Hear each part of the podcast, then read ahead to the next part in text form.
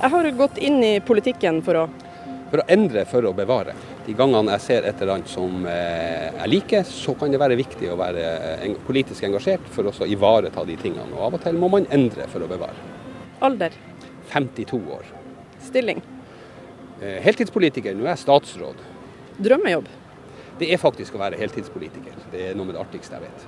Den politiske motstanderen jeg har størst respekt for. Svein Roald Hansen, eh, stortingsrepresentant for Arbeiderpartiet, han har et eh, kunnskaps- og saklighetsnivå som er langt over snittet i det miljøet han kommer fra. Verste medietabbe. Du, jeg leverte en gang en, eh, en fiskevits der jeg hengte ut jenten jentene i Vesterålen. Det var, det var veldig dumt. Og ufint. Navn. Frank Bakke Jensen. Du kommer jo egentlig fra Båtsfjord, men jobber nå i Oslo. Hvor i Oslo føler du deg mest hjemme? jeg føler meg ikke hjemme i Oslo. Jeg føler meg hjemme på jobb, men, eh, men eh, Nei, altså Oslo er en fin by, men Oslo er ikke en, en, en by som fenger meg. OK, han er ikke særlig fascinert av Oslo. Men for å få han til å føle seg litt mer hjemme, tok vi østfinnmarkingen med til havet. Du, jeg, jeg vokste opp eh, ved havet. Jeg er sønn av en fisker. Jeg har hatt eh, min yrkeskarriere, del av min yrkeskarriere om bord i fiskebåter, reparert utstyr om bord i fiskeindustrien. Eh, jeg slapper veldig godt av med havet. Jeg er dykker. Jeg, nei, havet er et element jeg, jeg, jeg trives veldig godt med, og som jeg identifiserer meg med. Jeg jeg er havmann. Altså Nå er vi på Aker Brygge, det er ikke akkurat Båtsfjord havn, men får du litt sånn følelse av eh, noe hjemmeaktig her? Ja, det gjør jeg. For at uh, her er litt lyd fra båter, og her selger man reker av og til. Du kan torge litt, og du kan gjøre Så, så uh, det gjør jeg. Havet har havet, vi uansett uh, hvor du er. Jeg bruker av og til å gå på operaen og sette. Der er en stille og rolig uterestaurant helt nederst, der du får bølgeskull på allting. Nå skal vi faktisk gå om bord i en båt her. Kanskje ikke akkurat de båtene som du er vant med. Hva, hvis du beskriver for radiolytterne hva du ser her? Ja, det er jo en Det ser ut som en gammel, eh, gammel lekter. Gammel seillekter, antagelig. Eh, store, store luker brukt for å eh, laste. Her har man kanskje ja, skiva sand, eller korn, eller mel, eller tørrfisk, eller tre. Hva vet jeg. Så nå skal du se, nå får du hvilepuls når du går ned over eh, landgangen. Fire skritt, så får du hvilepuls. Da kan vi ta en liten tur. Vær så god. Velkommen om bord. Vi blir ønska velkommen av Monica Santisteban på skuta Kristiania. Det lukter tjære, det knirker i gammelt treverk. EU- og EØS-ministeren smiler fornøyd. Ja, ser du. Merker du. Ro med en gang. Det her er deilig. Skal vi høre om eh, de kan ta oss litt mer rundt? Kan vi få lov å se litt her, eller? Bakke Jensen er egentlig utdanna tekniker i skipselektronikk. Hei sann. Og han vet hva han skal spørre maskinisten om. Du, det er en originalt bygd som seilskuta. Ja. Og så er det satt inn motor senere. I 15 år jobba Bakke Jensen med å reparere utstyr om bord i fiskebåter. Så denne sorten drev jeg og reparerte på radar. Her er noen plotter. Det kommer etter hvert kommunikasjon, VHF. Om bord i fiskebåtene. Fiskeletingsutstyr og ekkolodd og autopiloter og alt mulig rart. Høyt og lavt. Han tar tak i det store roret av tre på seilskuta, og forteller om da yrkeskarrieren hans tok en ny kurs. Dagen før nyttårsaften i 1999, så rett før tusenårsskiftet, så eh, gikk jeg over til reiseliv. Så da var jeg noen år i reiseliv før jeg ble heltidspolitiker. Så var han ordfører i Båtsfjord, var med i fylkestinget, og i 2009 kom han inn på Stortinget. Akkompagnert av rådhusklokkene ute på dekk, skifter vi tema til musikk. Og så har jeg hørt rykter om at eh, du spiller gitar. Eh, stemmer det at du har et eksemplar eh, hengende i stortingsleiligheten? Ja, ja, ja. Som ingen får lov å spille på? jo, det Jeg har en gammel gitar. Har, den er fra 1952. Jo, folk får lov å spille på den. Den er, den, en, eh, det er veldig fin gitar.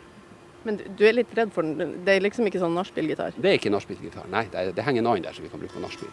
Nei, det her er en gammel gitar som jeg eh, fikk tak i, og så fikk jeg en uh, gitardoktor til å sette den i stand. Så ble det veldig fin lyd i den, så den, eh, den trives jeg.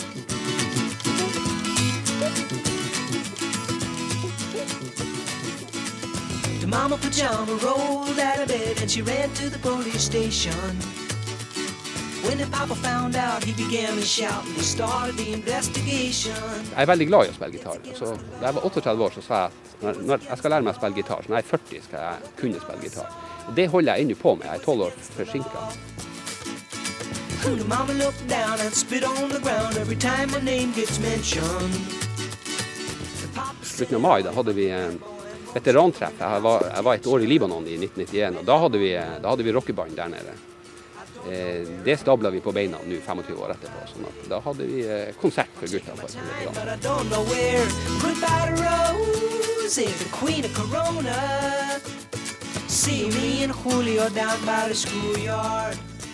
Men tilbake til politikken. Nærmere bestemt den dagen rett før jul i fjor, da han fikk ministerspørsmålet. Eh, Det var spesielt. Jeg satt på et fly på Gardermoen og skulle reise til Tromsø og fikk en telefon fra statsministerens kontor om at jeg måtte gå av for at statsministeren måtte treffe meg klokka syv på ettermiddagen. Og jeg var helt sikker på at eh, vi skulle diskutere pelsdyrmeldinga, for den lå i Stortinget da, og vi drev og streva litt med den. Så jeg, jeg dro tilbake, og så for jeg på Stortinget, og så leste jeg meg opp igjen på det som var sagt, skrevet og tenkt om pelsdyr, og så dro jeg opp i statsministerboligen forberedt på en lang debatt mot eh, statsminister Erla Solberg om hvordan vi skulle løse de her tingene vi kommet opp i. Eh, og så ble jeg heller spurt om jeg ville bli statsråd. Så det var eh, eh, Det var overraskende, det kom brått på. Jeg skyndte meg å si ja før hun, eh, før hun eventuelt ombestemte. Det var jo kanskje mange som ble overraska over at du ble EØS- og EU-minister. Hvorfor passer du ut i den posten? Eh, I utgangspunktet så er det faktisk sånn at hvis du har erfaring som politiker, så, så, så, det, så, så kan det hende at du passer til en statsrådpost. Eh, Europapolitikk og internasjonal politikk har alltid interessert meg. Var, eh, som sagt, jeg har vært ute, jeg har tjenestegjort i, FN, jeg har vært interessert i forsvarspolitikk, sikkerhetspolitikk. Jeg jeg var interessert i EU fra siste gang vi hadde folkeavstemning. Så det kan nok være, eh, være bakgrunnen.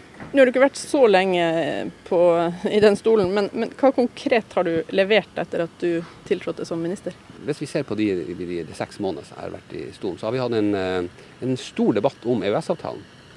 Eh, både i forkant av eh, Frp sitt landsmøte, men også i forkant av LO-kongressen. Og Det jeg har levert på denne tida, det er større forståelse blant folk om hva EØS-avtalen egentlig er. Det mener jeg var medvirkende til at vi fikk eh, til de, vedtakene vi fikk både på Frp sitt landsmøte, men også på eh, LO-kongressen. En større forståelse for hvor viktig EØS-avtalen er. og Det er en del av hovedoppdraget mitt, rett og slett. Men du glemte å snakke med Senterpartiet, eller?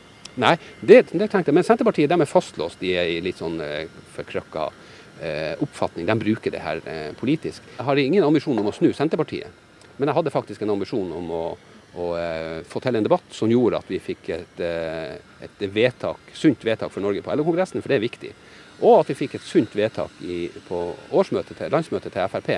For de diskuterer litt det med trygdeeksport og de tingene, og det er en viktig del av debatten. For det, det handler om legitimiteten til denne her, avtalen. Hvordan jobber du nå opp mot EU for å berede grunnen her i Norge for brexit. brexit? Vi har rett og slett jobba med å sikre forståelse i EU for at det indre markedet består av 30 land, ikke bare 27 etter at eh, Storbritannia har, eh, har forlatt. Det har vi lyktes med, sånn at vi, har fått, vi, er, vi blir tatt med på, på, eh, på råd, og vi får informasjon og vi får lov å sette så tett som vi kan under de forhandlingene som kommer. Men vi har jo sittet på gangen, det er jo det vi har gjort. Hva, hva er forskjellen? Hva har du fått til? Har vi kommet nærmere døra, eller hva, hva er forskjellen fra tidligere? Nei, ja, Det vi gjør annerledes i forhold til, eh, til tidligere regjeringer, det er at vi er mye mye tidligere inne når en politisk idé fødes i, i, i, i EU. Men altså, hjemme i Norge, føler du at nordmenn brenner for EØS-avtalen? Nei, det gjør de Det er et godt spørsmål. Nei, det gjør vi ikke. Rett og slett for at da vi, eh, da vi fikk EØS-avtalen, så hadde vi avstemning om, eh, folkeavstemning om EU-medlemskap, så sa vi nei. Og siden så har vi bare levd godt med EØS-avtalen. Den har ikke vært fremme i, i det folkelige ordskiftet. Det har vært litt av, av min, min oppgave. Å konkretisere hva betyr EØS-avtalen. Husk på at det er den som gjør at ungdommen vår kan eh, ta utdannelse hvor de vil i Europa. Det er EØS-avtalen som gjør at vi kan få tilgang til verdens største forskningsprosjekt, Horisont 2020. Sånn at forskningsinstitusjonene våre er ute og får forske med de store. Det er den som gjør at vi nordmenn kan reise rundt i Europa med en norsk helseforsikring. Vi har det norske trygdekortet med oss når vi reiser. Det er den som gjør at norsk industri kan, eksportretta industri har et marked på 500 millioner mennesker der vi kan handle på like, altså konkurrere om, om salg på like vilkår med annet næringsliv. La oss stoppe opp litt. Mannen er vokst opp i fiskeværet Båtsfjord. Han har jobba 15 år på fiskebåter, han har jobba mye med fiskeripolitikk. Innerst inne ville han ikke egentlig vært fiskeriminister. Altså, det er en av de mest privileg- privilegerte politiske posisjonene, det å bli statsråd. Eh, da er ikke jeg så, eh, så cocky at jeg sier at det her jeg kunne egentlig tenkt meg å vært noe annet. Nei, eh, den statsrådsposten jeg har fått, det er, en, det er et godt oppdrag. Det oppdraget tar jeg.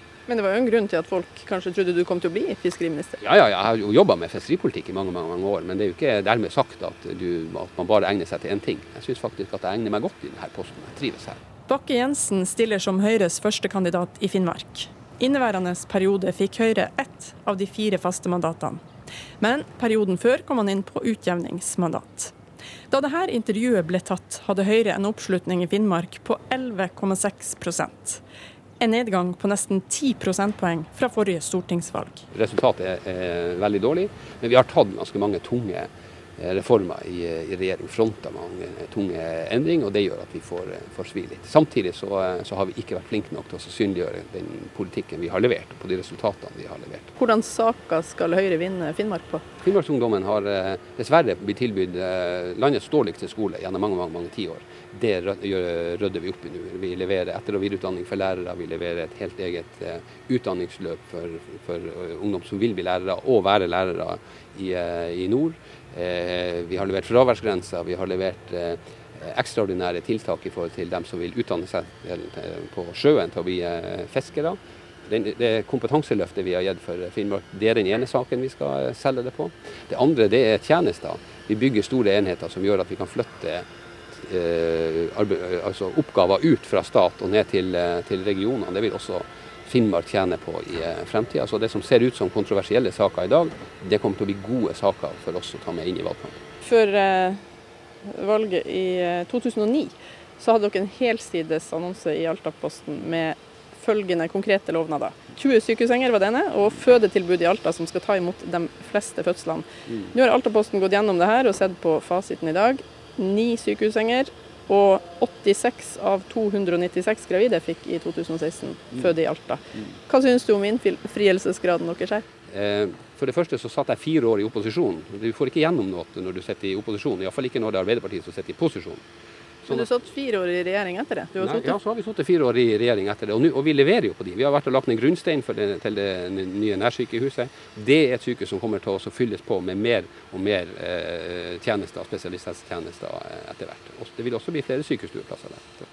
Så velger de å være tålmodige. Det du lovte i 2009 skjer kanskje i 2010? Nei, altså vi, jeg, jeg, jeg, kan være enig med dem at hvis, det, hvis, det, hvis vi har sagt 20, og jeg mener det behovet, det er, enda, det er sikkert enda høyere etter hvert. Rett og slett for jeg sier vi skal levere tjenester nærmere, nærmere eh, innbyggerne. Når det gjelder det med, med fødestue og føde, så var vi også enige i at det, den, den sorteringa som skal altså Om du kan føde i Alta, eller om du må til, eh, til Hammerfest eller Tromsø for å føde. Det jeg vet var lå bak de lovnadene vi kom med, det var at fagfolk, altså jordmødrene på på fødestua i Alta hadde sagt at vi kan ta mye mye mer, vi kan ta over halvparten her. Men du tok kanskje munnen litt for full i 2009 da? Nei, jeg, nei, jeg mener ikke det.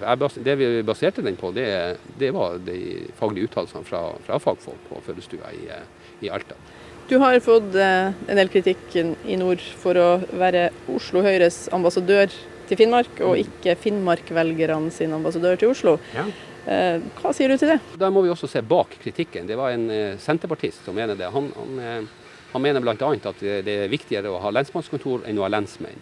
Så det er viktigere med kontoret enn med politifolk. Så til slutt en gladsak, da. Altså, du fikk jo ordførerkjedet i Båtsfjord etter at Ap hadde stukket av gårde med 54,7% av stemmene. Mm. Kan du forklare hva som skjedde? Arbeiderpartiet sprakk etter eh, valget, mellom valget og konstitueringa så rakna de, og så, eh, og så, kom det folk og spurte om jeg kunne bli, eh, bli ordfører i stedet, og så valgte kommunestyret meg til, til eh, ordfører i stedet. Var, å være ordfører det er, den, det er, den, ultimate politiske posisjonen. Det er faktisk artigere enn å være statsråd.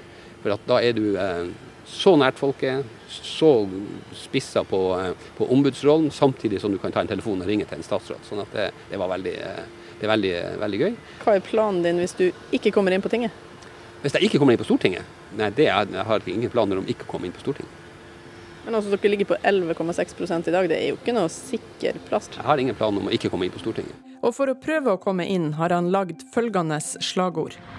En god skole gir like muligheter og utligner forskjeller.